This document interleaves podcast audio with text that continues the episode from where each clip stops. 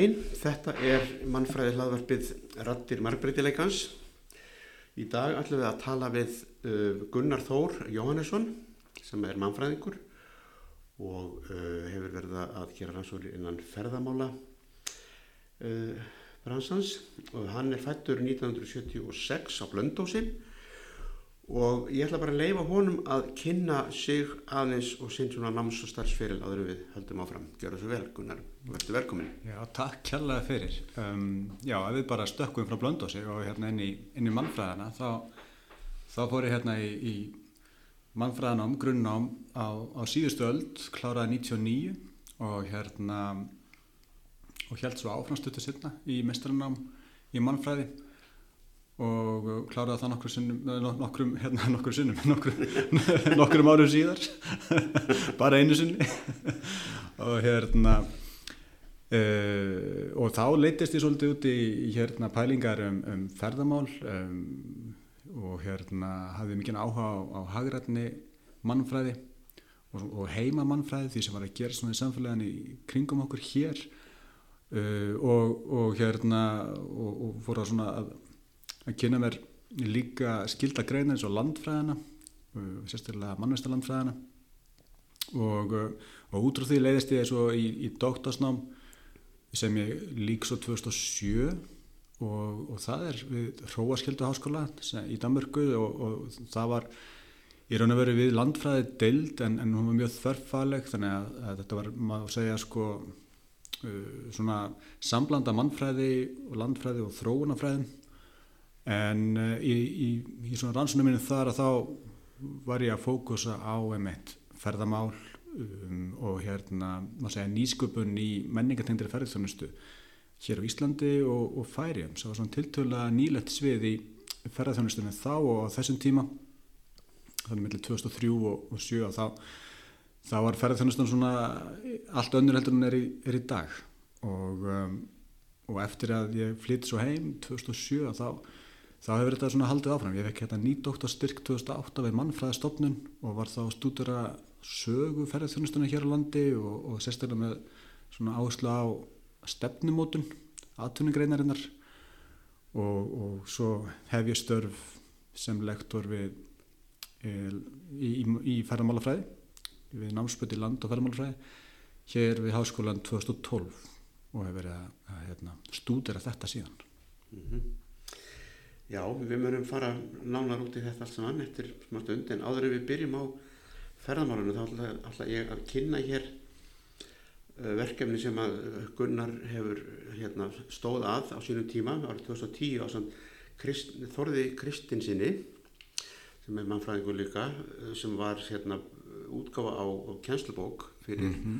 á íslensku sem sett fyrir grunnnema í mannfræði og, og, og mentaskóla ég vel, framhaldsskóla sem heitir Mannfræði fyrir byrjandur og hérna þetta var mjög þörf bók á sínum tíma og, og ég til dæmis notaði nokkra kabla úr henni á, á þeim tíma í kennslu og það mæltist mjög vel fyrir og nefnendur svona fyrsta ári voru mjög ánæði með það að geta haft eitthvað svona efni á íslensku því að þetta mannfræði nám er svolítið svona brött brekka fyrir byrjandur mm. því að þetta er á, á tungumálu sem, að, sem er kannski hafa ekki staðið fram með fyrir áður og hérna og hvað segir það? Svo sagt, stendur til að gefa, gefa þetta út aftur sagt, í öðru formi? Já það er rétt, þessi bók kom út fyrst sko, já, 2010 svo segir og hérna sem við skrifum fyrir framhaldsskóla og, og ástæðan einfallega svo að okkur fannst vanta kennslubók í mannfræði sem er svona tæki á eingjönu þessar fræðigreinar og var ég líka að kynna bara það sem íslenski mannfræðingar var að gera uh, og uh, og hvað nefndu gætu verið að gera með mannfræðina í framhaldinu. Og uh, núna er sérst, já, komin tíu ár og, og hérna yfirleitt hefur breyst í verðildinni og, og, og til dæmis bara fullt af nýjum hugtökum og orðum bara í tungumálunum sem við þurfum að, að hérna uppfara og hérna uh, hlutinu breytast og námsætnin þarf að taka með að því. Þannig að núna er komin ný útgáð, endurskóð útgáð sem verður vantilega bara tilbúin núna í haust og verður gefin út hjá mál og menningu sem rafbók. Og um, sem gerir, maður segja um, já, hlutuna auðveldur allan fyrir nefnendur og ég held að það sé mjög spennandi form að, að vera með allan textan bara á, á skjánum og geta unnið raun og veru glósur og annað slíkt bara inn í bókina sjálfa. Það er hérna allavega þetta er form sem þau eru að þróa þarna og, og held að sé já, verður gaman að sjá hvernig þetta kemur út Já, þetta er spennandi og ég mun leggja mitt að mörgum að hérna, koma þessu framfæri hjá, hjá, hérna, hjá nefndum mínum og, og benda þeim á þennan möguleika að, hérna, að þau geti nýtt sér þetta sem svona allavega sem ítarefni. Nákvæmlega. Stuðningsefni við annars sem þau eru að lesa og, og hérna þannig að ég held að þetta framtæð sé bara að vinna besta. Það er frábært, það vantar einmitt held ég kjærslefni á íslensku í, í mörgum greinum og hérna og þetta er svona, já, ég held að þetta sé bara eitthvað sem við ættum að, að huga betur að. Já, í raun og veru þannig að þetta, þetta er náttúrulega bara mjög flott framtæk og var það á sínu tíma og þetta er náttúrulega eh, ekki síður að gera þetta svona. Einmitt, eins, eins, hafa þetta þannig að, að fólk getur svona interaktíft eins og maður segir, slettinu svolítið. Já, þannig líka, já, þannig að ég mun hérna koma þessu alveg skýrt á framfæri. Frábært. Og bara þakka þeim vel og fyrir, fyrir þetta framtak en uh, að auðlýsingum loknum Já. þá munum við skella okkur út í ferðalögin og uh, byrja því kannski að tala um svona þróum ferðarþjónustu og mótun hennar mótun Íslands sem ferðamanna staðar og áfanga staðar fyrir, fyrir hérna, fólk á ferðum Já, og það er gaman sko að velta þessu fyrir sér að hérna okkur finnst ferðarþjónustu kannski vera tiltölulega nýlut fyrirbæri hérna á Íslandi og, og Ísland svona nýlegur ferðamanna staður svona í þessu alþjóðlega samengi en, en það er að vera ansi löng saga uh, ferðamennsku á Íslandi og, og ferðarþjónustu og, um, og það sem ég var að skoða til þess að mínum rannsóknum var að, að hérna var aðkoma stjórnvalda og svona stefnumótun í tengslu við þessa, þetta fyrirbæri sem ferðamennskan er. Og það strax fyrir stríð, sko 1936 sem ferðarskastóða ríkisins er stopnuð og þá er stjórnvöld að svona sína tilbyrði í það átt að svona móta eitthvað umhverju kringum þessa grein og, og þarna er auglustlega eitthvað sem, sem gæti skipt máli og, og skipti máli hérna varandi sko landkynningu, það, það fyrir að skjóta upp kollunum og það skipti máli hvernig við svona eh, komum fram út á við og, og hvað við erum að sína gestum og um, og, og náttúrulega þarna fyrr uh, miklu fyrr á 19. öldinu og áður sko, þá var Ísland áfangastæður svona sérstaklega herramanna frá Englandi að tala um Grand Tour svona eins konar svona mentunarferðir fyrir elítuna í Evrópu og en sérstaklega bresku. Þar sem karlmenn yfirleitt fóru, fóru uh, svona á framandi staði og, og, og kynntust menningu og, og síðum annara landa. Og Ísland var þarna á, á, á þeirri á þeirri leið sem, sem einn áfungastæðana þannig að eh, og, og þarna upp úr aldamótum þarna að það eru að koma skemmt yfir að skip og, og hótel og veitikastæðar að sprettu upp og, og svo leiðis en svo er það eftir, eftir setna stríð sem kannski þetta fer að að staða einhverju marki og í því formi sem við þekkjum. Það eru stopnið hérna flugfélög millir 1940 og 50 og, þau hefja strax millilandaflug sem er svolítið sérstakt í svona alþjóðlegu samingi og þannig að Ísland hefur sko mjög langa flugsögu og langa sögu sko nokkuð góðra tenginga við útland Uh, þannig að aðgengið er nokkuð gott svona til lengri tíma. Sérstaklega við berum okkur saman við aðra svona norðarlega staði að þá hérna, njótu við ákveðina sérstöðu þar. Og um, eitt leiður öðru og, og, og hérna, en, en ferða mennskun og ferða þjónust hún svona þróast mjög svona uh, sjálfstætt. Stjórnvöldur er lítið að skipta sig að þessu þetta er, þetta er mjög frumkvöla drifið reyndar að ferðamála ráðstofnað sko 66 að með minnir og mjög svipuðum tíma á Hafransamastofnun þannig að það er alveg eitthvað að gerast og, hérna, og fyrsta stefnumótun í ferðarþjónustu hún lítur dagsins ljós sko hvað, 73, millir 73 og 5 og, og hún er unnin að tilstölan uh, þróunastofnunar saminuð þjóðana þannig að hérna, þá hafði Ísland aðgang að, að, að þeim sjóði og, uh, og þannig var bandarist rákjæðafyrirtæki sem raunir vann þá stefnu með íslenskum stjórnvöldum og, og hérna uh, og hún er, það er mjög gaman að lesa hana vegna þess að hérna, það er mjög margt sem bara á enn við í dag. Um, það var náttúrulega ekkert gert við þessa stefnu á þessum tíma. Þannig að hérna aðri hluti sem höfðu forgang í, í huga þeirra sem þá réð en svo til að gera langa svo stutt að þá, þá kannski er hægur, tiltöla hægur en, en mjög svona stabil má segja sko stígandi í komum ferðamanna hinga til lands, erlendra ferðamanna og eins í, í ferðum Íslendinga til útlanda. En svo gerist eitthvað þarna já, sérstaklega eftir sko 2008 þá, þá verður svona gaggjað breyting á, skulum við segja. Já. Og hérna og eins og segir það hefur það var svona já sérstaklega eftir hún rosalega vöxtur Já, og uh, fjöldi fólks streyndi inn í þetta fáminna samfélag. Já, og hérna þannig að það voru alls konar áskoranir og það voru, voru svona það voru svona ymsa skoðanir á því sem eru það áhyggjur því að það væri of mikið af fólki að koma í einu. Og það væri svona það sem kallar svona overtúrismi og hérna og, hvað, og hérna það, þetta væri flóð af, af fólki sem væri að koma hér myndi hefa neikvæð áhrif á íslensk samfélag náttúruna, umhverfið og svo framvegis. Og hérna svo hefur þetta náttúrulega áhrif á hakkjörfi líka. Alveg gríðaleg hvað svona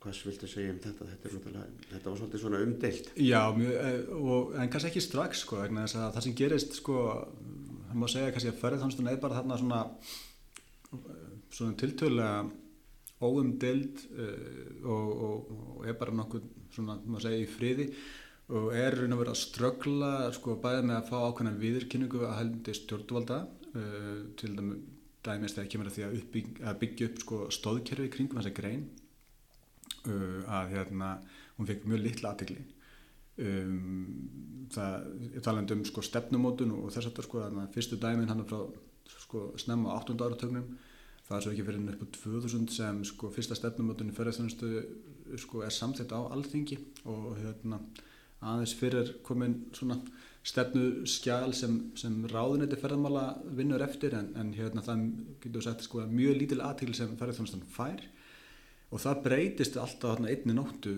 sko í fjármálafröðunni þá skorti mjög á, á erlendi gjaldari og, um, og, og þá sko færist fókusin mjög hratt yfir er greinar sem geta skaffa hann og ferðarþjónust er þar á meðal.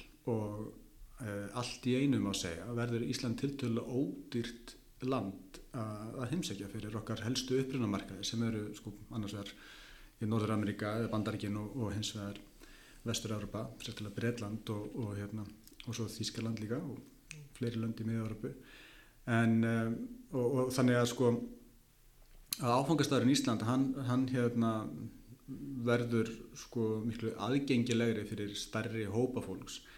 Það náttúrulega gerist líka fjármálakreppan á sér stað annar staðar enn Íslandi og hérna þannig að það skiptir máli að fólk að koma til Ísland sem var og hefur þessi ímynd sem sko að, að vera framandi staður, þetta er framandi áfangastöður í, í huga mjög margra.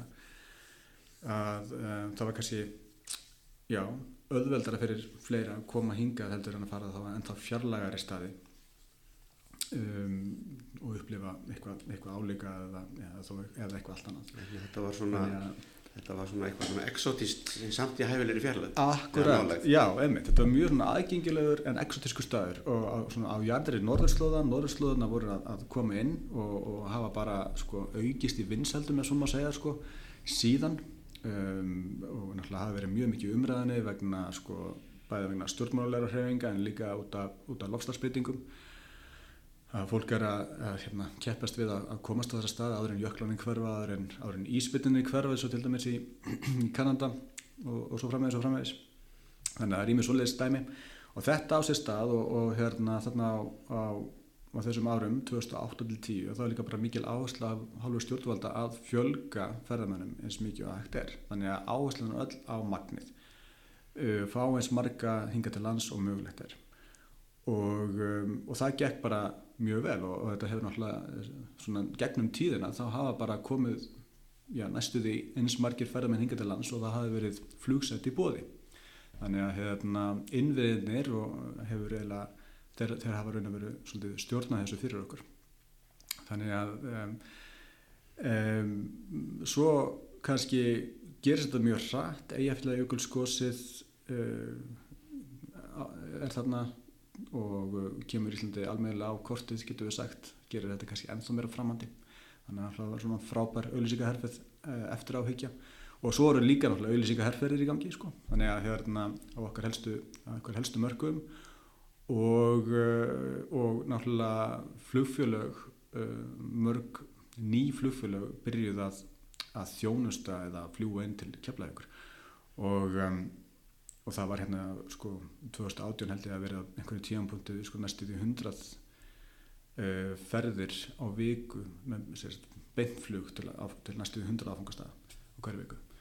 Það er náttúrulega alveg makalust og hérna þetta þýttir það að áraunum 2010 sko, til 18 þá, þá sko, fjölgaði ferðinum mjög mikið og við vorum að sjá allt sko, upp í ja, 20 og 30% aukningu eða fjölgun ferðamanna hverju einsta ári. Og það náttúrulega er eitthvað sem heldur sér bara mjög erfitt að fást við uh, og hérna og eftir áhyggja og, og meðan þessu stóð þá getur við alveg þá, þá var fólk að benda á að við værim ekkert undir þetta búin. Og gætum ekki með góðum út að tekja með öllum þessum fjölda. Og, um, og það hérna ég held að sé að hafi verið, verið ákveðið merki um það og hérna svo er þetta tekið á því vaksandi svona gaggríðinsrættir á þetta svona 2015 til 16 og, og það er hérna já, ég ætlum fyrirrindar sko og, og hérna og það var svona tekið á, á, á því að einhverju leiti halva stjórnvalda og atvinnugreinarinnar og miklu meira lagt í sko fjárfyrstingu sérstaklega bara í efnislegum innviðum, bara í að byggja upp sko helstu áfangastæði ferðamanna, bara þegar kemur að svona grundvallar atriðum eins og klósettum, útsýðinspöllum, gungustígum, bara þess sem sko þarf að til staðar ef við ætlum að taka móti fólki.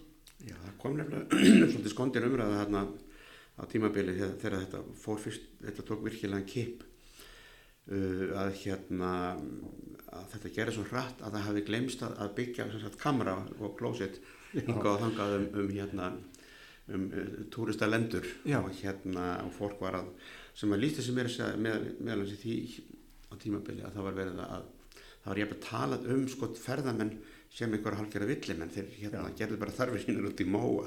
Akkurat, en það, það var kannski bara út af því að það hafði ekki verið búið klósinn og það var alveg eitt merki svona sem við sáum í umræðinu sko að hérna ímiðskonar svona furðu fréttir af ferðarfólki sem tók að koma inn í, hérna, í umræðina og, og fólk sem var að gera furðulega hluti sem hérna og, og svona kunn ekki að haga sér innan gæðslappa en, en hérna fólk var náttúrulega að reyna að gera þetta besta yfirleitt og hérna oft voru, voru við ekki tilbúin til að taka móti, móti fólki en, en þetta svona það kristallæðast líka þarna sko ákveðið svona viðfór til ferðamann eins og það segir sko að hérna að uh, okkur er tamt að hugsa um ferðarþjónustu á sko svona orðfærið með, með, og tala um ferðarþjónustu með tungutæki sko framleysli greinana að hérna, við tölum um ferðarþjónustu á svipaðan háttu og tölum um sjáratveg og hérna það sem allavega einu sinni þá var hérna, mikið kapplagt á að ná sem flestum tónnum úr sjó og, og þetta mörg tónn af lúðu og þetta mörg tónn af þoski og svo frammeðs og frammeðs og, og svoleiðis var umræðan líka um ferðarþjónustu mm.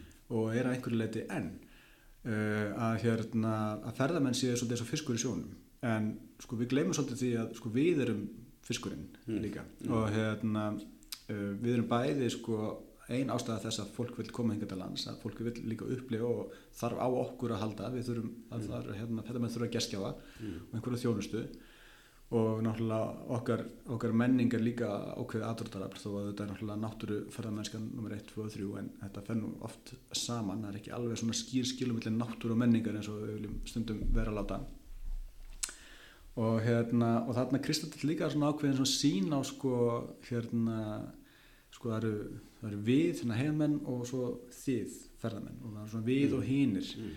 sem hérna er náttúrulega þögt í, í mannfræðinni og, og er eitthvað sem hérna ég held að skipti miklu máli að, að, að rýni og taka alvarlega vegna þess að ferðamennska náttúrulega snýst fyrst og fremst um samskipti og ég er ekki vissin að það kunni góður lukka að stýra ef við gleymum því að við erum sjálf ferðamenn mm. að hérna en hafandi sagt það að þá er áhugavert að þráttu þennan mikla og hraða vöxt og, og augljós sko, vandamál sem honum fylgdu sérstaklega þegar komað hérna, umhverfisvend og eins og svona innviðum sem voru bara ekki til staðar að þá eru, er almenningur í Íslandi enn en þá og, og gegnum þennan tíma allt þetta tímabil hefur almenningur verið mjög jákvæður gagvart ferðamönnum.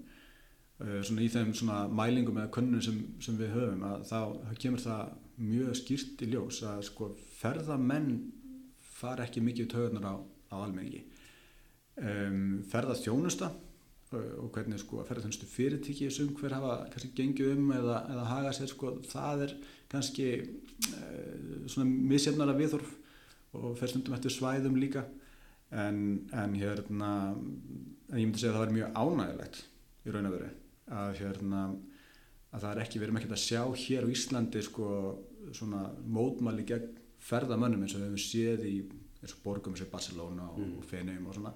Þannig að þessi umræða um overtourism sko á Íslandi hún er svolítið kannski misráðin, hún er ekki alveg hún lýsir ekki mjög nákvæmlega skulum við segja svona einu almenna ástandi, við getum sagt svo. Þó hún kannski það eru ákveðin ákveðin áskorun og ákveðin vandamál til staðar og ákveðin stöðum og ákveðin tímum sérstaklega sem hérna tikki öll þessi boks óverturism mm -hmm. Þetta er líka svolítið nýtt sko. Já. Spán er þetta náttúrulega búið að vera í síðan miða síðustu öll bara Já, því, sko. einmitt. En þetta er svolítið áhugavert með þetta við, og hini sko hérna talandum sko mannfræðina og svona sögum mannfræðina hérna í árdaga mannfræðina þegar einhverjir einhverjir hérna mannfræðingar sem að voru á, á, á vegum sko nýlandu stjórnarinnar mm -hmm. fóru hinga á þangað að skoða innan gæsalega svo kallar frumstætt fólk að þá var þetta við og hínir þannig að þeir heimamennir voru savages Já. og voru primitiv eins og maður notur nú þau orð að hérna en þessi lýsing á hérna sem sagt turistanum sem að fóru út í móa til að gera þarfið sínar að þar snýrist þetta svolítið við að það voru sko við Íslandingarnir þessi, þessi, þessi hérna síðmentuður hérna Norrlandabúar hérna voru, voru hegst okkur á villimanslegum hérna aðgerðum einhverja útlendinga, einhverja túrista. Og svo er annað sem að líka hefur, maður tók eftir svolítið á sínum tíma sem að voru, var líka svona skipta skoður þetta hefur svolítið svona, það hefur mjög skipta skoðunir um þetta í rann og veru. Hefur mjög svona fundist að það hafa mitt verið að rannsaka það, sko, bara maður er heilt út undan sér og þetta er um það að það væri ekki hægt að fara nýra í bæ eða lappa nýra lögu og heyringa íslensku.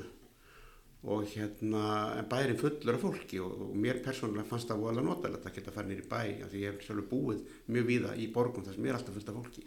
Mér finnst það gott að geta að fara nýra í bæ og það var fullt af fólki og var rivið upp á tíma þegar maður lappaði nýra löguvegin og það var bara engin það var bara palli var enn í heiminu og hérna, og hérna þannig, að, þannig að þetta þetta, þetta gerðist eitthvað svo rætt að ég held, að, ég held svolítið svona, kannski, kannski svona þessi skinnjun á þessum, þessari breytingu hefði farið svona mísefla onni í fólk. Já, emmitt og, og sko og við einhverju leiti en, en þá bara og þurfum að svona vinna úr þessu sko einhvern veginn en, en hérna en þetta með sko við og hinnir að sko það er líka lenska í fræðunum eins og í mannfræðinu þetta, þetta er mjög svona klassísk Eh, skipting en, en líka eins og í ferðamálafræðinu þegar það verður að útskýra sko, hvernig áfungast það að vera til að, hérna, að gera þannig greinamun og ímynda sér einhvern veginn að staður eins og Ísland hafi verið einhver tíman svona einangraður og einhvers konar jadvægi en svo lendir hann í því að það eru einhverju ferðamenn sem uppgötan og fara að koma ángað og, hérna, og svo fer alltaf stað og, hérna, og staður lendur svona áþján uh, ferðamann á sig alveg, alveg hérna, stjórnlös ströymur mm. og, hérna, og sem hafa ekkert með sko, heimafólk að gera og þetta er mjög einfældningsleg sko, lýsing á því hvernig sko, ferðamennska þróast vegna þess að það er eiginlega alltaf allavega í tilvill getur við sagt að það er heimamenn sem eru aðal drivkraftanir í því að fá fólk til landsins mm -hmm. og, hérna, og, og, og fá gestina til að koma og byggja upp þetta sem við getum kallað ferðarþjónustu og þannig að það er, það er alltaf miklu miklu meira í gangi heldur en heldur en svona þessi, þessi lýsing á, á hérna, já sem við líst þann sko að hérna, það er eitthvað svona alþjóðlega ferðamenn sem allt í hennu uppgöt og hei þarna er staður sem getur komið á og föruð þángað að hérna, þetta gerist ekki, gerist ekki svoleiðis. Og þess það líka svo að segja sko uh, yfirleitt alltaf svo skipta skoðanir um sko kostu og galla uh, hluta eins og ferðarþjónustu eða ferðamennsku að sumir hafa miklu hagsmun að gæta og, og, hérna, og aðrir hérna, kannski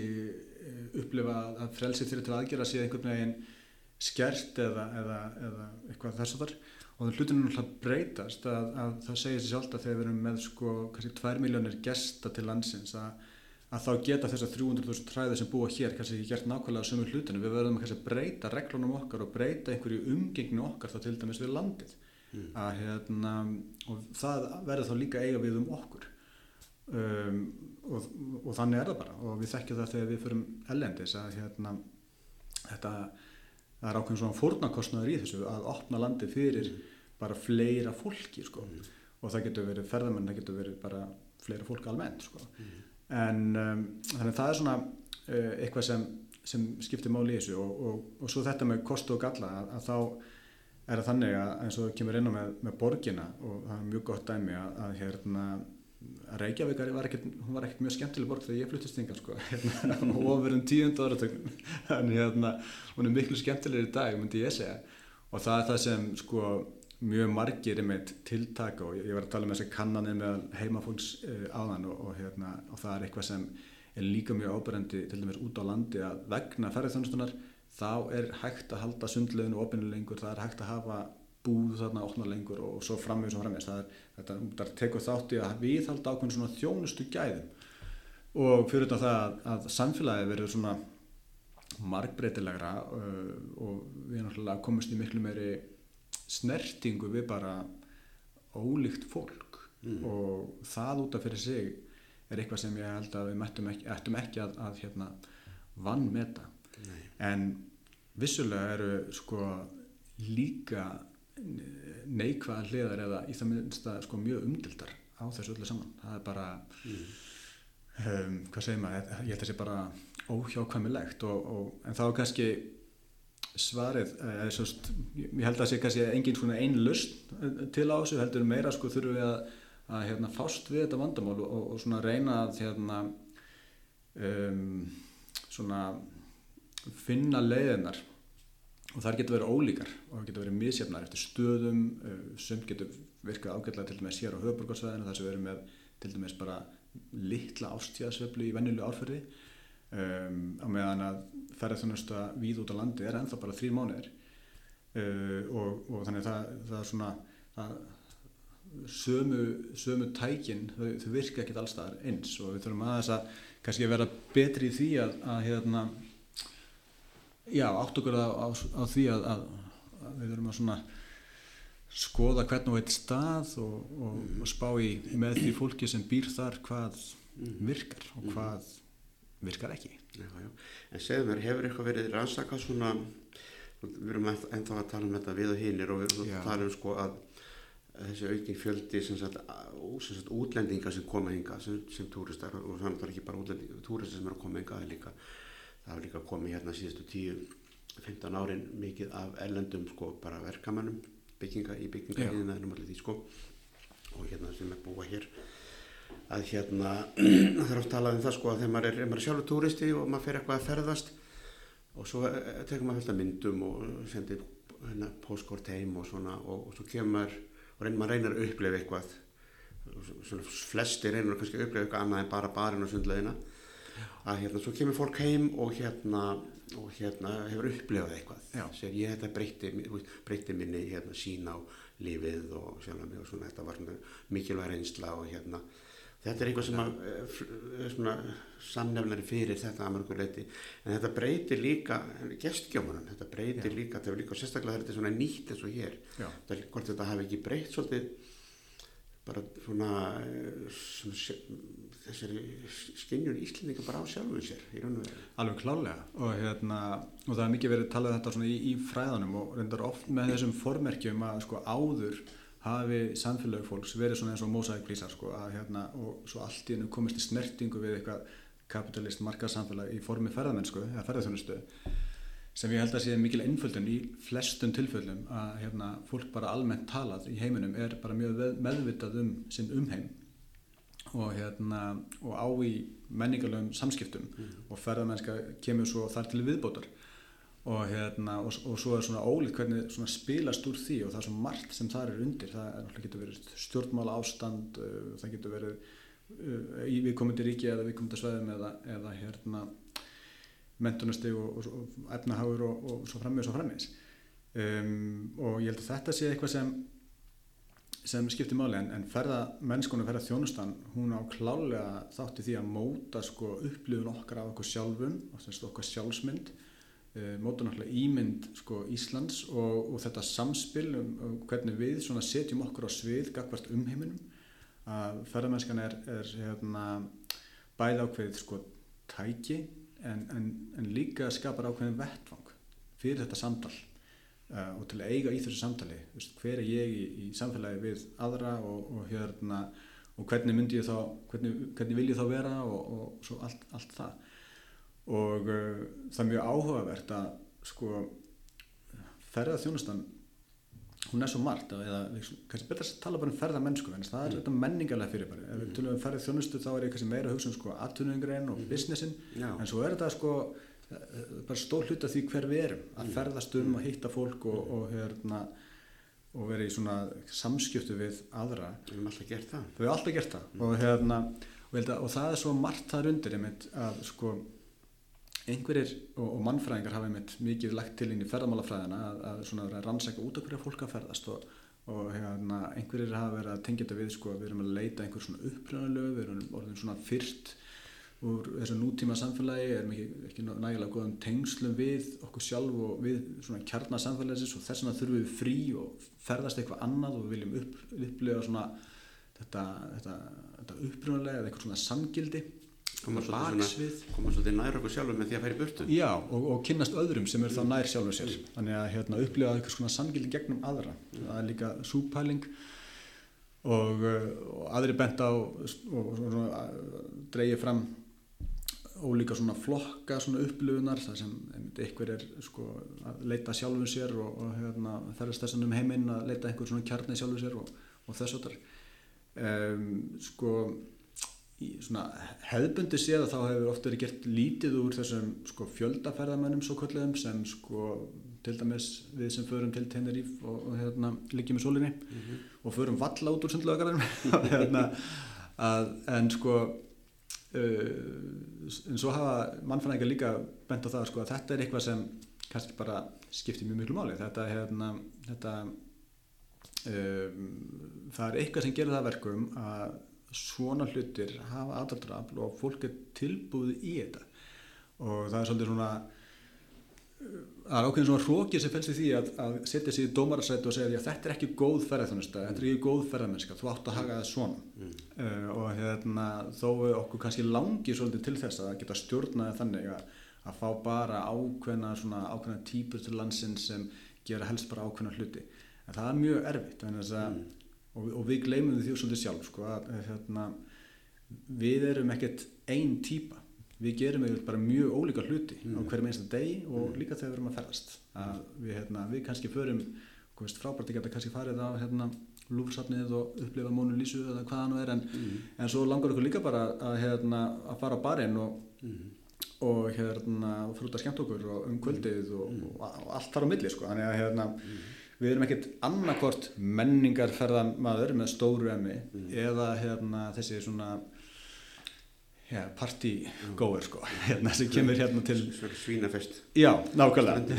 Við erum yfir bara þetta er yfir allt saman í söðu manninskinni og það er svo áhugavert að hérna, að pæli því, því. Og þess vegna hafum við kannski áherslan í fræðunum fæst svolítið frá því að reyna að vera flokka fólk. Mm. Og, og, hérna, og komast að einhverjum svona einum sannleikum það út af hverju fólk að ferast og meiri fókus færist, að, er að færast á það að skoða hvað fólk er að gera og hvernig það er að skapa einhverjar svona, svona merkingabæri upplifun á ferðum sínum mm -hmm. uh, og þá sko í, í því landslægi, því umhverju sem það er og, og með þá öðrum sem er á svæðinu, fólki og svo náttúrulega bara já, öðrum hérna meir en mennskum gerendum sko, veist, mm. hérna, við erum náttúrulega dæmið það bara að við förum í, í kvalaskoðuna við erum mm. að skapa ykkur upplifun mm. og, hérna, og kvalirinn er náttúrulega skipta mjög miklu máli ef þeir væri ekki hann þá væri við ekki hann í kvalaskoðun hérna, og, mm. og allt, allt hvað eina sko. þannig að hérna, það er svona kannski svona fæslan í þessum, í þessum fræðum og, og hérna, hvernig mannfræðin hefur mannfræði ferðamála hefur kannski þróast á síðustu árum mm. Já, hérna ef við tölum aðeins meira um þetta sambandi við þessar þessar hérna þessa kyn, kynningu sem sagt á okkur Já, gegnum ferðamennsku. Og þetta mér alltaf í hug þetta verkefni hérna Inspired by Iceland Já. sem var líka svolítið umdeilt. Það er náttúrulega verið að búa, það er einhver stopnum sett á lakirnar, einhver Íslandsstofa eða eitthvað, mm -hmm. ekki, mhm, sem að fekk það hlutur að framleiða einhverja mjög einf, einfellislega ímynd, svona álúa ímynd af Íslandingum og gagvar túristum. Já, já, þar sem að hérna hérna saklustist túristar kannski heldur það að fólki sem byggja þessu landi þetta væri svona hálfgerðinu semi-álvar sem eru hoppand út í raun í lópapessu hlusta þetta sigur ós Akkurat, ég er náttúrulega eða hlustur og sigur þá náttúrulega ég myndi Já, ég hef náttúrulega hérna, ég heyr alveg hvað þú stendur í þessu sko en hérna það voru margir sem, sem samsömmis ekki við þessa ímynd. Já, nei, það er alveg rétt og hérna og þetta er nefnir þessum, sko þessi, þessi tiltekna markasherferð, hún fyrir að stað hérna eftir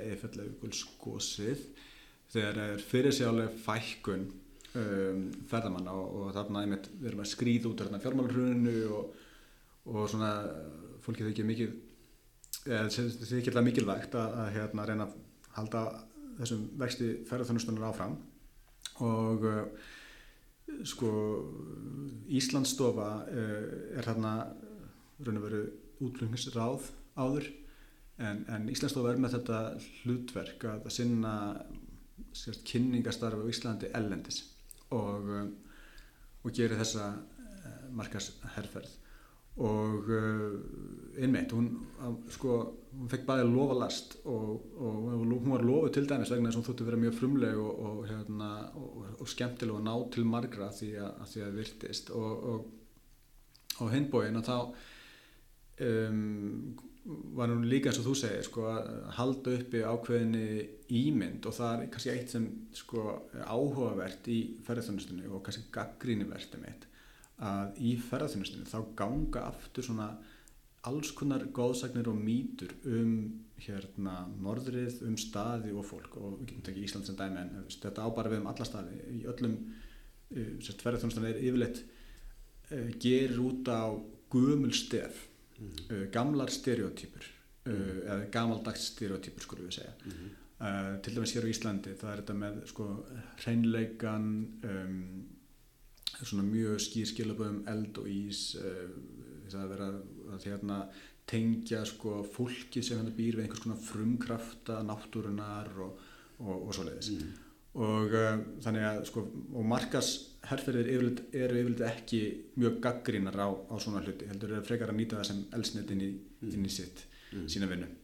Þannig að hérna og Inspired by Iceland er náttúrulega uh, dæmi um slíkt. Um, þar sem kannski var einna gaggrín að verðast uh, sko út frá mínu bæjandurum séð er, er að þarna í þessari tilteknu herferð þá var ímis konar sko hegðun í náttúrunni sín sem er bara mjög óhefnileg til dæmis að, að dansa á ísjaka í jökulsálunni það er bara ekki, ekki sniðið og hérna og það, það viljum við ekki. Og, og sko og eins og við sjáum bara í dag að það er markasherfyrir sem eru sko núna hafa verið í gangi síðustu, síðustu ár, já, 2-3 ár að það er um, þeirra skilabóður allt öðru þessu en þess að ég held að fólk hafa líka lært að hérna, við viljum ekki endilega sko sína við verðum að passa hvað við erum að segja við verðum að passa hvaða sögur við erum að, erum að, að segja hérna. En hafandi sagt það sko þá held ég að að hérna ummeitt sko markaserferir eru þetta, er bara stórmerkilegt fyrirbæri vegna þess að hérna flestir neytendur segja sko að auglýsingar hafa engin áhrif en, samt er miljurum í eitt í þær. Að eitthvað, eitthvað verðast að gera. Uh, flesti ferðamenn vita vel sko við hverju er að búast. Ég meina og bara við sko tölum hérna við kollega okkar eða fólki hér á landi þá vita flestir íslendingar að hérna auðlýsingabæklingarnir sem þau sjá eða auðlýsingarnir sem þau sjá á ferðamannastöðum ellendis að þetta eru auðlýsingar þetta er ekkit endilega raunveruleikin og ferðarþjónustan mitt hún hefði að sko býður upp á svona leik. Það er heilmikið svona leikur í þessu að vera að leika með ímyndir og þér er svona búðin svona aðild að einhverjum draumi. Og, hérna, og þú veist sko þetta er það feik Já. að einhverju leiti en samt er eitthvað sem hérna, langar til að kynast betur allan er það, það hugmyndin. En vissulega um, sumir sem sjá svona markaserfir þeir bara, þeir fá það skoðan sína staðfesta þeir ætla aldrei hérna á þennan stað. Hérna. þannig að þetta er alltaf tvíbend en, hérna, en það sem er kannski það sem er áhugaverðast í þessu og, og er gríðilega eh, áhugaverð pæling er bara hversu sko lífsegar ímsón svona stereotypur og mýtur eru. Og, og það er umhugsun efni að ferðarþjónstanan hún, hún er ekkert endilega að að sko pota í þessar mýtur sem geta hérna bara verið óhefnilegar uh, fyrir allan ákveðna hópa fólks og, og svo frammeðis og frammeðis og kannski eitthvað sem við viljum gætna sko losn undan, við, við erum ekki sama þjóð hér og, og fyrir 50 árum sko. þannig að hérna, við viljum einhvern veginn mm. breytast og, mm. og hérna ég held að það sé mikilvægt að spá í það hvernig getur við unnið að markastarfi á ábyrgan átt, á samfélagslega ábyrgan átt mm. það sé svona spurningi sem vaknar mm. og þá kannski komum við að því tala um svona sjálf svona ábyrgari hátt og, hérna sem maður kannski maður kannski tengja við fleiri, fleira en ferða enn í landinu já, já. kannski flest allt annað en hérna Það er verið rætt um sko náttúrulega í samvættu við túrismann hérna er náttúrulega sko bara sam, samlíf og svona umgengni við náttúruna, við þetta viðkvæma, við búum það norðarlega að við vitum það að, að hérna bara vistkerfið á svona, hún er, hún er við, vistkerfið viðkvæmt ef það verður fyrir einhverjum skað, það er lengi að ná sér Já. og hérna, og hérna hvernig er, er bara mikið verið að pæli því, reyna svona, nú er náttúrulega ferðarþjónustan að fara að í hérna startórlanar aftur mm -hmm. eftir COVID og svona já, já. Er verið að heldur, heldur að svo hugsun hafi síðan svona virk í þessu í framtíðinni hjá ferðarþjónustunni að, að hafa eitthvað ábyrgatífinning mm. -hmm. gagvart bara vistkerfinu? Nú erum við að tala um hérna við erum að tala um hérna loftlas breytingar og allt þetta og jöklar á Ísland er að brána mm eins og allstaðar annar staðar og náttúrun er að breytast og, og og nú er þetta að ranka á rótinu eftir COVID tímabilið og uh, sem er að benda það að, að, hérna, að þessi ágangur mannsins á náttúruna uh, í sagt, uh, fyrst og fremst þess að þjóna bara ákveðinu hakkjörfi mm -hmm. og ákveðinu, ákveðinu, hagrætni hugmyndafræði uh, hafi orsakað COVID-19 mm. þannig að þeir lítum það hangir þetta, bara, þetta er nátengt þetta, þetta, þetta er á sömu spýtun í raun og veru Já, einmitt, lífsættur okkar eru, eru uh, í því hlutverki. Þeir, þeir bera ábyrð á stöðu mála sko. mm. og hérna, við komumst aldrei undan sjálfum okkur og það er eiginlega svona hérna, grundvöldur atrið að hérna, við sköpum það samfélag sem, sem hérna, við eigum skilið sko, einhver, á einhvern hátt. Mm. Má segja það. Og ég held að hérna hvað var þar uh, svona umhugsun og meðvitund um ábyrð og, og, og svona sjálfbara nýtingu að þá uh, sko er mikil breyting um, bæði hér innanlands og líka alþjóðlega. Það er margir sem er að tala um að, að COVID hafi skapað ákveði andrými fyrir fyrirtæki og aðeila ferðarþjónustuna til að endur hugsa ferðarþjónustuna ég held að séu að fleiri og fleiri sem átt að segja á því að sko óheftur vöxtur um alla framtíð uh, reynilega gengur ekki upp uh, ef við hérna ætlum að taka ábyrð á á hvernig við erum að já, taka ábyrð á náttúrinni og, og, hérna, og, og samfélaginu og velferð hvort tvekja þá, þá hérna, er erfitt að sjá fyrir sig að það gangi, gangi upp reynilega sem bara reiknistæmi um, við hérna bara eins og við þekkjum að við ætlum að við ætlum að neyta sumu auðlinda og bandarækjumenn að meðaltala þá þurfum við 5,5 jörð mm. Það hafi verið svona talan mm. 2010 sko, það er auðvitað búið að breytast síðan þá sko, þannig að hérna, þetta er svona það er eins og svona hérna, eins og svona, svona tákunmyndir eða sviðsmyndir sem eru dregnar upp og, og hérna, sem, sem minna fólk á að, að, að það er svona umhugsun efni hvernig við göngum um náttúruna og, og, og jörðina hvað verður hins vegar er mjög erfitt að hérna, spá fyrir um. Ég held að til langstíma þá munir þessi hugsun vinna á. Það er til skamstíma þá, þrátt fyrir að, að sé tölvöld mikið búið að ræða þetta og ég veit að sko við erum víst að, að það eru mörg íslensk ferðþjónustu fyrirtæki sem hafa verið að sko vinna svolítið í, og svona fókusa inn á við í, í COVID á COVID tímanum og svona skerpa á sínu svona kjarnagildum og, og hérna og, og tengja sig við svona sjálfbarari sko hérna atvinna hætti getur við sagt. Að þá heldur til skamstíma að þá skiptir mestumáli fyrir fyrirtæki að sko afla tekna og geta borga laun. Um, en þetta er ju einmitt, þetta er aðtunugurinn, þetta er business. Um, og ég held að kannski eftir á að higgja eftir, eftir 1-2 ár þegar við horfum tilbaka þá munum við kannski segja að við hefðum getað nýtt tíman betur. Uh, þessi, þessi átjá mánuði sem sko ferðarþjónustan er búin að liggja bara niðri. Mm. uh, þá hefðum við kannski getað nýtt þann tíman betur til að um, til dæmis að byggja upp Uh, mannuð og þekkingu þegar kemur að sjálfbarni og sjálfbæri þróun, hvað þýðir það? Hvernig getum við unni með það í dagstæluðum rekstri fyrirtækja og svo uh, sumstar er þetta gert bara mjög vel annars staðar er ekkert að frétta sko fyrirtæki eru mjög misvel í stakk búin uh, til að bregðast við svona hlutum. Uh, sko langt um flest fyrirtæki á Íslandi í ferðarþjónustu eru mjög smá með sko færri en tíu stafsmennu eða færri en fimm. Og svo erum við með nokkura, nokkura svona risamarkanum líka og, og stærri, stærri fyrirtæki. Þannig að það er sko gríðarlega mikil breytt í þessari flóru sem skiptir líka máli.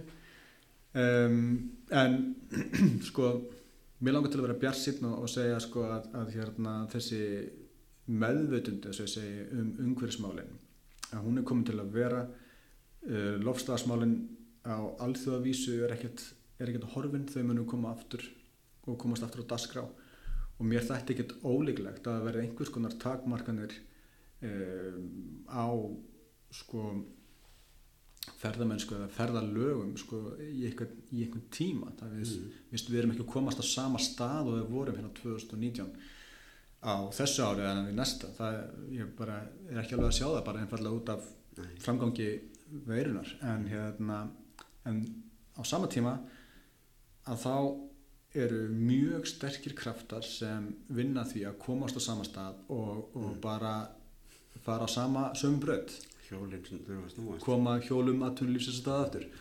Og auðvitað þurfum við að gera það en við þurfum að hérna, gera það á, á ábyrgara hátt og hér á Íslandi ef við, ef við hugsaum um hvað það getur þýtt þá getur það til dæmis þýtt að, að huga, huga meira því hvernig við getum byggt upp ferðarþjónustu sem er í, í meira jafnvægi við e, samflæðið og við það sem við höfum upp á að bjóða. Að hérna e, við höfum takmarkaðar öðlindir, við höfum takmarkað sko, tak, takmarkaða mannuð sem dæmi við þurfum að byggja þetta upp, við þurfum að fjárfesta í mentun og þjálfun og ef við gerum það þá fáum við líka sko, meiri gæði inn í greinuna og, og fólk uh, sko vil alveg borga fyrir gæði það er svona mm -hmm. hilt yfir þá, já, já. þá er það nú þannig og uh, við viljum fá fólk til að sko dvelja lengur. Og ef við ætlum að gera það þá þurfum við að hafa sérst, ferðavöru hérna, hérna mm til, reið, til reyðu þannig að fólk sé til í að vera lengur og til í að hérna,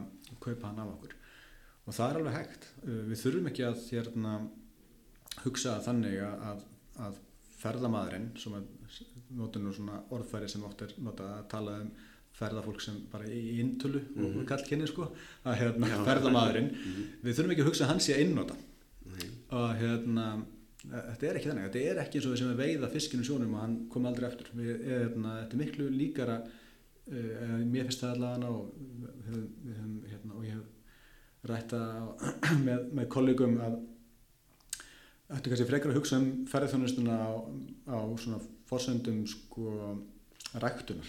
Mm við höfum talað um illrækt mm. þetta er svona að við þurfum að, að rækta þessa hlutu upp ferðarþjónustan, hún, hún er ástíðabundin sumstaðar og, og hérna er það bara, bara mjög gott. Mm -hmm. þegar við tölum um sko við viljum losna við ástíðasöflu ef, ef, ef rætti við til dæmis frumkvöla eða, eða fólk í, í ferðarþjónustu þá er ekkit endilega að tala um sko hérna, alls ekki allan fyrir alla. 12 mánu eða jæmt tímanvill en kannski svona 10 mánu mm -hmm en, en fólk það líka eitthvað breyk. Fólki sem er að vinna í ferðarþjónustu það Já, er líka að komast í sumafrí eða Mm. frí. Já, já, og hérna þannig að sko það þarf að einhvern veginn að spila þetta saman. Og, og það sem sko virkar eins og nefndi náttúruna hérna á Norðurslöðum það það sem virkar á, sko, á suðukvöli eða á hlýrri svæðum það er ekkit endilega að það virki hér. Nei. við þurfum að byggja þetta upp á okkar eigin fósendum svolítið sko, Mm. og átt okkur á því hvað við getum gert og, og hvað ekki Ég hef verið að hugsa svolítið, pæli þessu svolítið við svona, eitt sem er nú vissum, er, er til eitthvað sem heitir eco-túrismi, sko. mm Svona túrismi sem gengur út á, felur í sér einhvers konar uh, nálgun, kakvað umhverfisvernd og annars slíkt. Og ég hef verið að pæli þessu með Já. kvalin, Já, kvalina hér á Íslandi. Að það er nú nokkuð ljóst að, að það að kvalaskoðun varð svona vinsælt, vinsælt hérna fyrir, fyrir túrista og, og, hérna og bara hakkvæm, svona fjárháslega séð að þetta hefur náttúrulega sjálfsögður líka sett uh, spurningumerki við kvalveðar já, og jafnvel stuðlaða því að vernda kvali fyrir eitthvað nýtt sko. og þetta er sennilega eru dæmi um þetta viða annars staðar um heimi sem við kannski eitthvað dýr í útrýmingarhættu eða skóa já, að það kemur í ljós að það kannski er hakkvæmara bara fjárhæslega að vernda hlutina já, heldur en að eða þeim svona til einhver tíma. Þetta er kannski einhver svona hugsun sem er kannski farin að svona gera vart við sig í þessum. Já, klálega og hérna og hvernig ferðarþjónustan sko getur lagt til við að byggja upp samfélög uh, og umhverfi á, á, á jákvæðan hátt. Og, og það er enn og aftur þetta sko að ferðarþjónustan hún er ekki bara eitthvað eitt. Er hérna, hún hefur gríðarlega sko margslungin og, og víðfæðum áhrif. Uh, bæði sko hagrænt séð en, en líka bara á sko þessi menningarlegu og samfélagslegu áhrif eru mjög víðfæðum það er að segja uh, sem dæmi þá hefur þetta klálega haft áhrif á sko viðhorf Íslendinga til kvalveða mm. uh, og hérna að sjá að, að þetta er hægt Mm. uh, að byggja upp bara arbaran rekstur til að, að, að skoða uh, þessi dýr. Og, um, og, svo, svo framvegis og framvegis. Og ég held að það sé hérna eitthvað sem sko skiptir máli að, að bara að, að halda til halda til haga. Og við sjáum mörg dæmi um þetta að, að sko ferðamenn margir hverjir eru til að borga fyrir að fá að taka þátt í svona samfélagslega mikilvæga verkefnum Mhm. og eins og allt annað þá hefur þetta hérna, bæði kannski svona bjartar og dekkri hliðar sko. Mhm. að, en það er talað um til dæmis svona volum tourism, svona sjálfböðulega ferðamennsku og eitt dæmi er bara þegar fólk, ungt fólk oft er, er, er ungt fólk oft að koma til Íslands að vinna við sko, að leggja stíga hérna á okkur náttúruvendasvæðum með þess að þar Mhm. Dekkri hliðar eru kannski þegar uh, sjálfbáðlegar eru, eru arðrændir innan herkiðarslappa eða, eða hérna, settir í, í vinnu sem ætti miklu frekar að ráða fólki Mhm. eða til dæmis uh, eins og dæmi er um og, og, og alls ekki óalgengur sko að ungd fólk er að ráða sig sem starfsmenn á að hælum í, í Asíu og Mm. Afríku og hérna svona fá staðfyrstingu á því að, þau séu góða mannskjur Mm. Fyrir.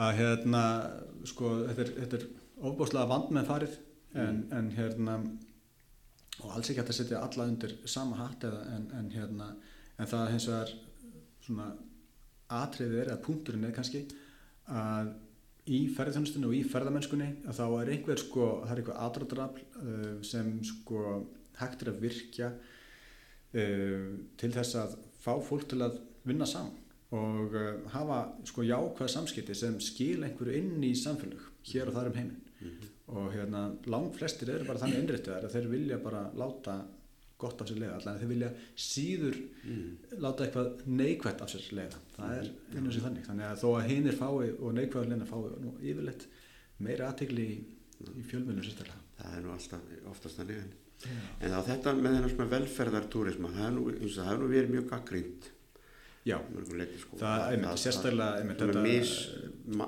malplacerað malplacerað góðvild. Akkurat og einmitt og mannfræðingar hafa bent á þetta náttúrulega og, að, hérna, og í þessu náttúrulega kristallast líka sko ójafnvægi og miskipting milli heimsluta, norðus og suðus og, og svo framvegis og framvegis. En þetta er gríðarlega svona flókið og, og hérna mál. En eins og svo margt annað þá og það er það sem kannski dróð mig líka ferðamálafræðinu er að, að í ferðamennskunni er svo að það er svo margt sem sko kristallast þar sem er bara í gangi í samfélaginu almennt að hérna sem kristallast svo í ferðamennsku og ferðarþjónustu mm. það, við erum, getum verið að tala um sko uh, svona já, uppbygging og þróun nattvæðingar og þessa kapitalíska markashagkerfis Mm. og, og hvað áhrif það hefur á staði og samfélög getum við að tala um sko, hérna, þessi samband melli heimsluta og miskiptingu Mm. í, í, í heiminum. Og uh, svo framvegis og framvegis hvernig, hvernig við skiljum til dæmis samband manns og náttúru það er Mm. veist, enn, ann- enn, enn eitt dæmið. Og hérna og hvernig fólk er að upplifa uh, og ja, umhverfið sitt og, og móta sína sjálfsmynd í gegnum aðtæfni sínar í hversteginum að hérna til dæmis sjáum við það núna það er bara ströymur og liggur upp á góðstöðunar henni geldi gott alveg að, að fyrir suma er þetta algjörlega hugveikjandi Mm. uh, já. og hérna hefur gríðarlega mikil áhrif á, á persónu sko. og hérna og þetta finnst mér bara uh, ótrúlega áhugavert og, og hérna þetta er bara gríðarlega svona spennandi vettvangur uh, vegna þess að hérna hvað getum við sagt það er, það er að svo mörg að taka Já, algjörlega og þetta er náttúrulega, þetta er náttúrulega eins, þetta er stærst, einn stærsta atvinnugrein í heimi. Og svona, eins, og, og svona mannfregust Já, þetta er já. mikið af fólki vinnu við þetta út um allan heim.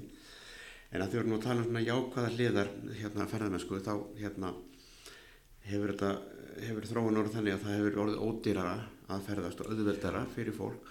Þannig að ungt fólk til dæmis hefur farið að ferðast miklu meir um heiminn heldur en til bara þegar ég var ungur. Og, og það voru margir sem að margir sem fóru eitthvað sko á flakk sko en það var ekki, það var, það var ekki eins auðveld mm. það var færri sem gerða það.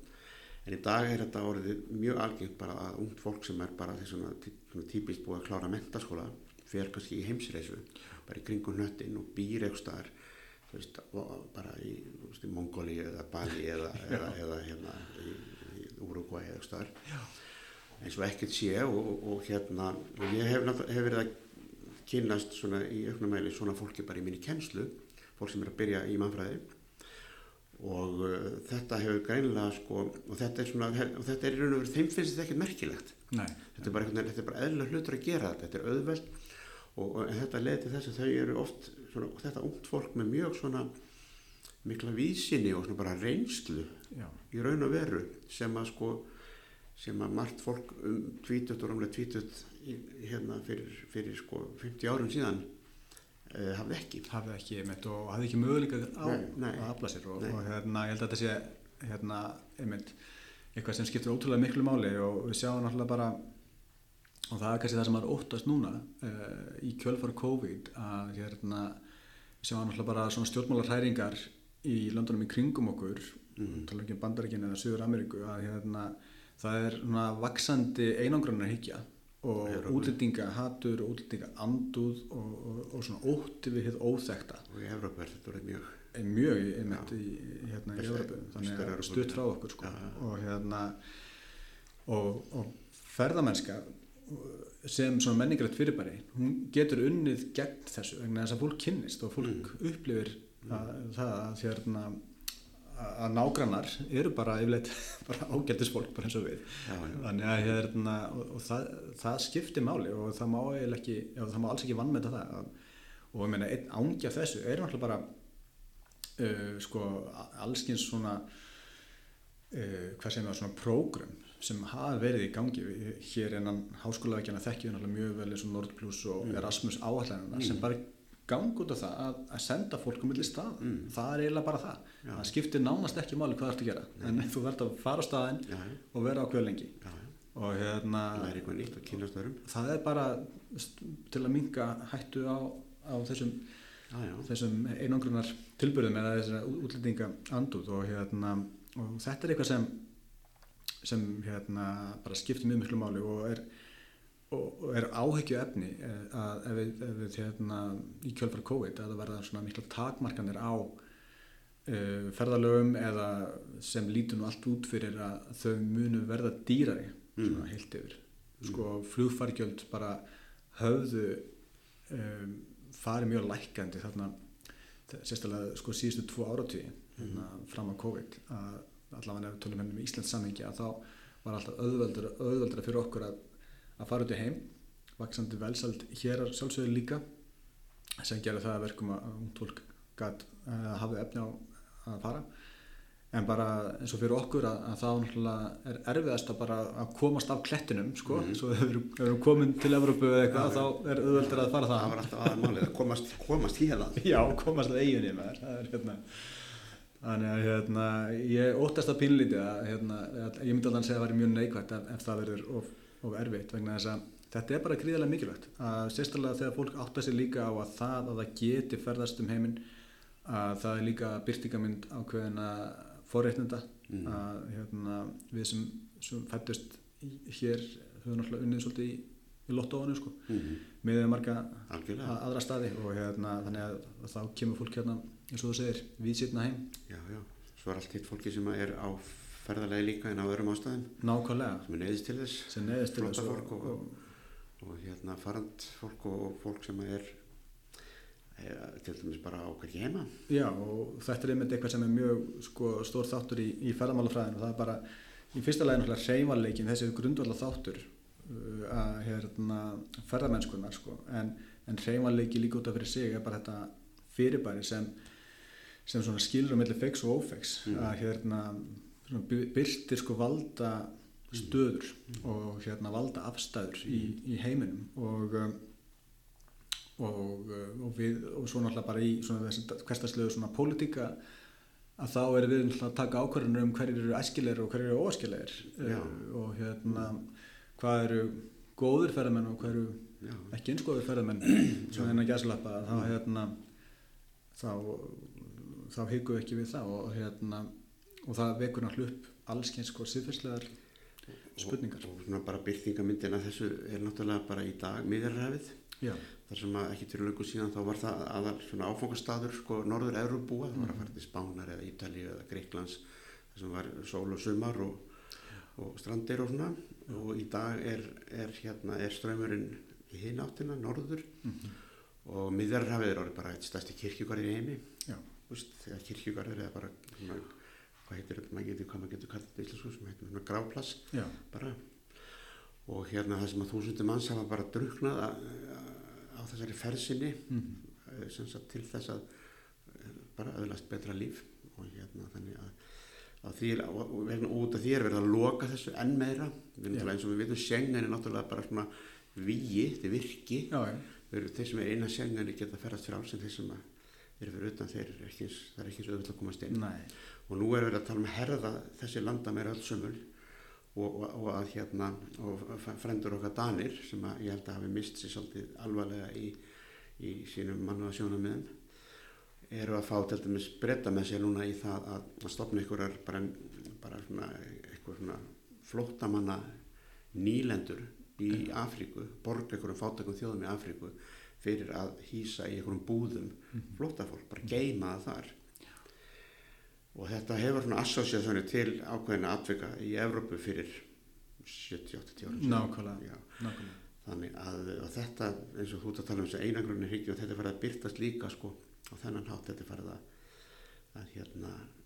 þannig að þegar þetta er svona þessi ferði hinn áttina sko Já, það er það og, hérna, og, og ég held að sko sagt um, maður getur ímyndað sér sko að eins og að, ferðamennskan sko og, þegar sko ef við stillir sko upp ferðarþjónustu við hliðina á, á, þessu sko þá er ferðarþjónustun afskaplega svona yfirbórskend skemmtun sko Mm. en, en ferðarþjónustu og ferðarmennska er, hefur líka miklu svona hefur líka svona dýbri merkingu í, í okkar samfélagi og, og við getum sko um, kannski, grafist fyrir um sko margar svona og, og, og kannski gaggrind sko í, í mjög svona pólitíska þætti í gegnum ferðamálafræðina og, og, og, og skoðan okkur á ferðamennsku. Hvað eru tilbúinni að leifa og hvað eru alltaf að leifa þess þetta en ekki hitt og, og hvaða hagsmunir eiga, eiga að ráða? Hverjir eru eiga, með að vera hreyfalegir og hverjir ekki? Og, Mm. ekki um vegna þess að já, og, í því tillit er náttúrulega ferðamennskan ekkert sérstöka að, að hérna við erum að já, við náttúrulega búum í svona alheims mm. Nattkerfi Mm. eða hérna hagkerfi segi ég Mm. og nattvætu hagkerfi og við getum ekkert verið án Nei, nei, annara heimsluta og hérna og, og gengur það upp til lengdar að, að, að, að sko að halda þessu lofti að við erum frálsa að, að fara um en, en hérna, ekki næsti maður sko.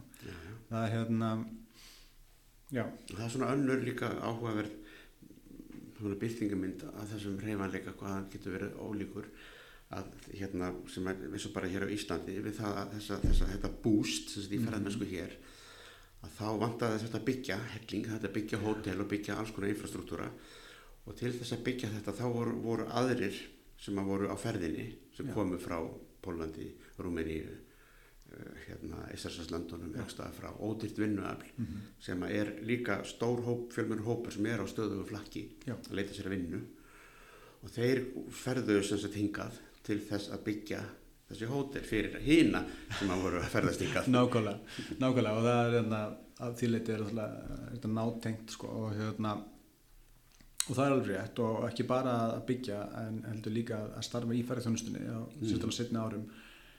En, og, og það, það má heldur ekki gleyma því sko að hérna, eins og þú nefndir áðan að, að sko síðustu 20 árum þá, þá bara hefur sko samsending Íslendinga hérna breyst mjög mikið og þetta eru miklu fjölmenningarlega hérna, samfélag vegna þess að bara mjög margt af því fólki sem kom kannski uppröðanlega til að starfa í eins og sérstaklega þá í, í sjávarútvi og svo byggingarinaði síðar að hérna hefur sest hér að mm.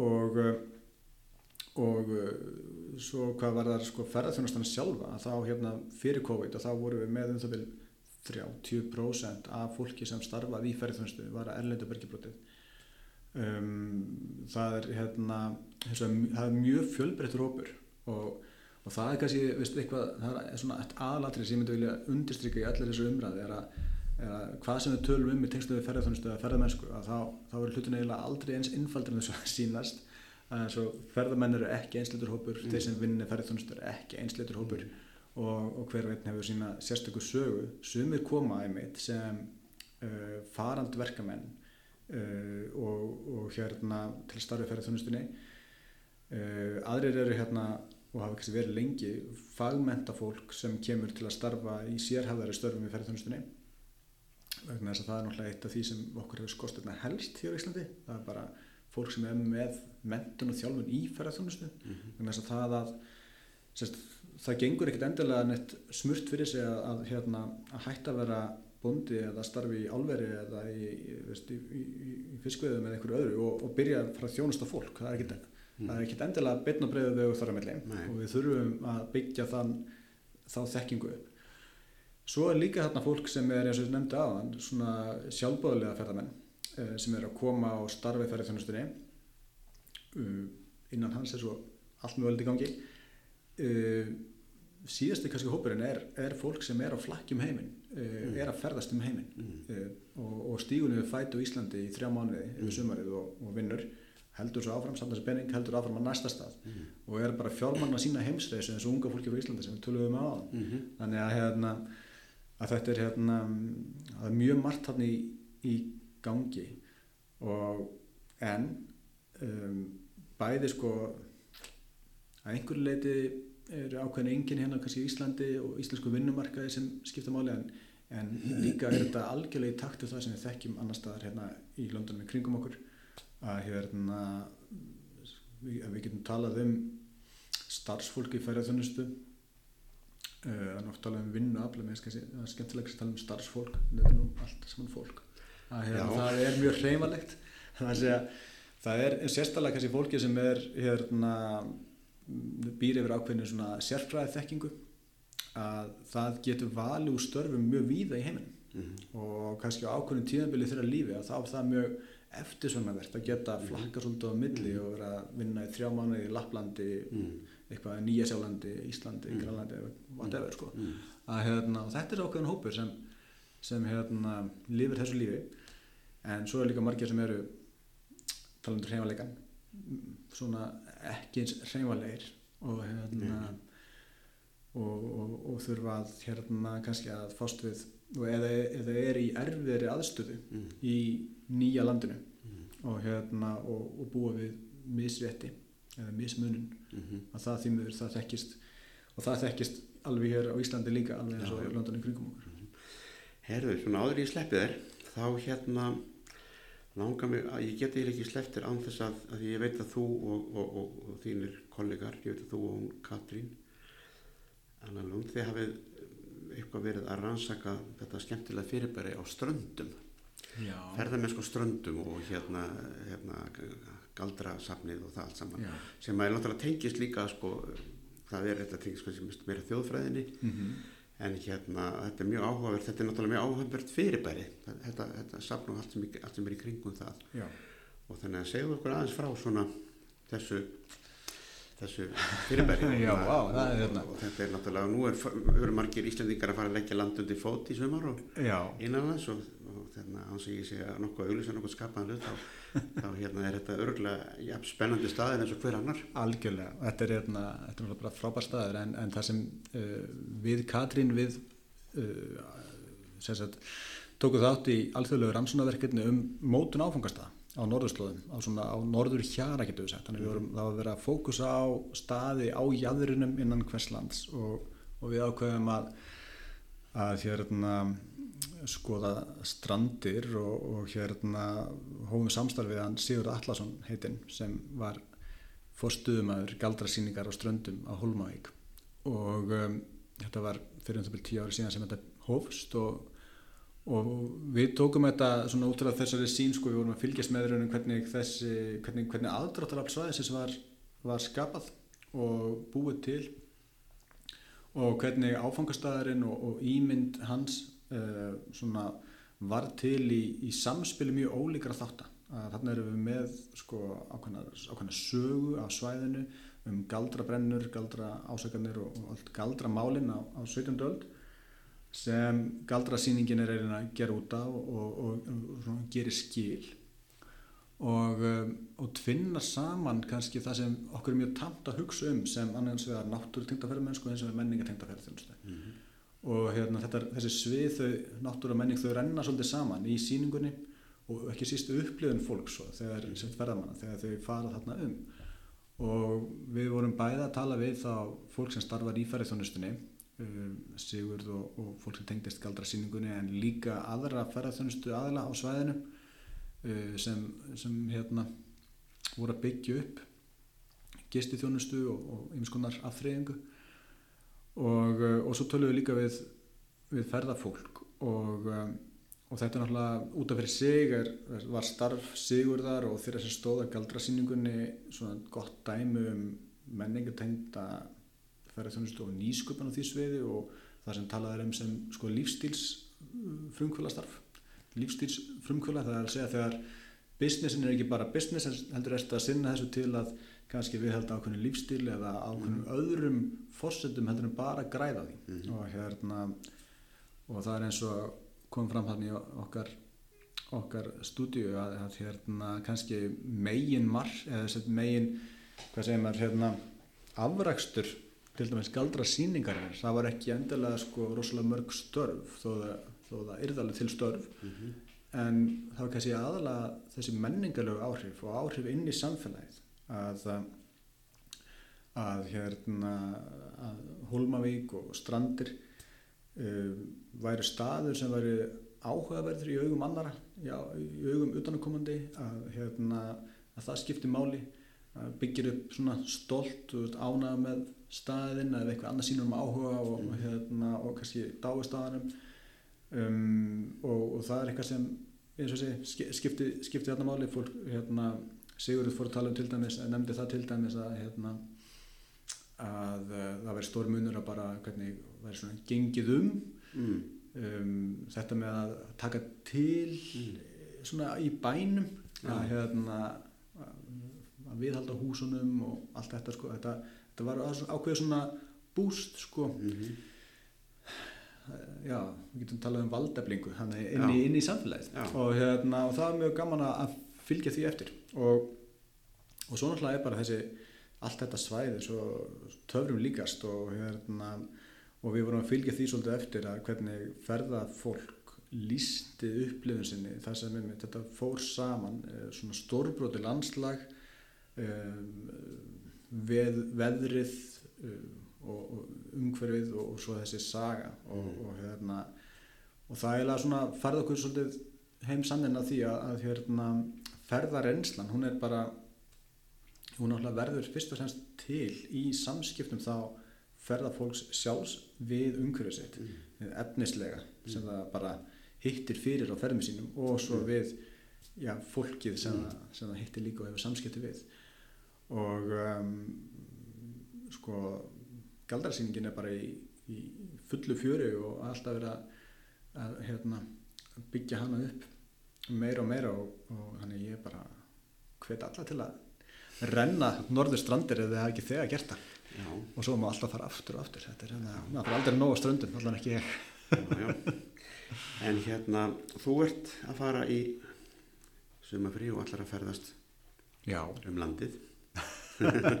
Hvernig er með svona ferðamála fræðing sem að ferðast um landið? Hvernig, með hvaða augum gerir hann það?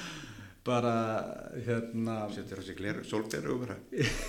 já ég er bara hérna ég, hvað skal segja ég, hérna, um, ég, ég er ekki, ekki mikið svona í vinnunni sko. ég reyni, reyni að vera ekki mikið í vinnunni og, en, en mér er afskaplega gaman að bara hérna, ferðast og, og, og, og bara að taka inn og hérna, það sem er óbúslega gaman að sjá bara þessum árum sem ég hef verið hérna, að fylgjast með þessu hérna á Íslandi að hérna hvað margt hefur breyst og hvað eru mikið fólki sem er að starfa í ferðarþjónustu sem eru bara að gera ofskaplega sko góða hluti og svona af miklum heilindum. Og, og það er talað um ábyrð að þá er það kannski svona líkilatrið ert í þessu heilindum eða ekki? Og, hérna, og ég held að þau fyrirtæki sem komið standardi út úr COVID sé einmitt þau fyrirtæki sem svona hafa byggt á tröstum grunni. Uh, við ætlum nú bara að hérna Já, við ætlum að nýta okkur fyrir þjónustu, íslenska ferðarþjónustu fyrirtæki og vera túristur í eigin landi og, og, hérna, og fara eitthvað upp á fjöll og með, með uh, í, skiplaðari ferð og, og svo bara tjald og hótel og, Mm. bara prófa að sitt lítið að hverju sko. Mm. Þannig að alltaf eldi ekki bara sólina. Ég held að við erum eiginlega, maður sem mest í því eins og, eins og allir hinni sko. Það er frábært plan. Þannig að ég vildi, en það er akkurat þetta sko, að maður kannski vil sko hérna talandu við og hinnir sko er hérna oft talað um sko fræðimenn síðu þessum fílabesturni sko og setja sér á háan hest sko og, og maður vilji svona halda ykkur í fjallægð og vera svona alvarlegur og gaggrinnan alltaf sko en svo er maður bara einmitt líka þessi sko þess Já. bara, svona, bara gaman að tjalda og grilla og vera veist. Herðu, ég bara þakka þér alveg kærlega fyrir þetta spjall, Takk kjærlega fyrir. Gunnar Þór, og hérna bara góða ferð um landið. Takk, takk, takk fyrir mig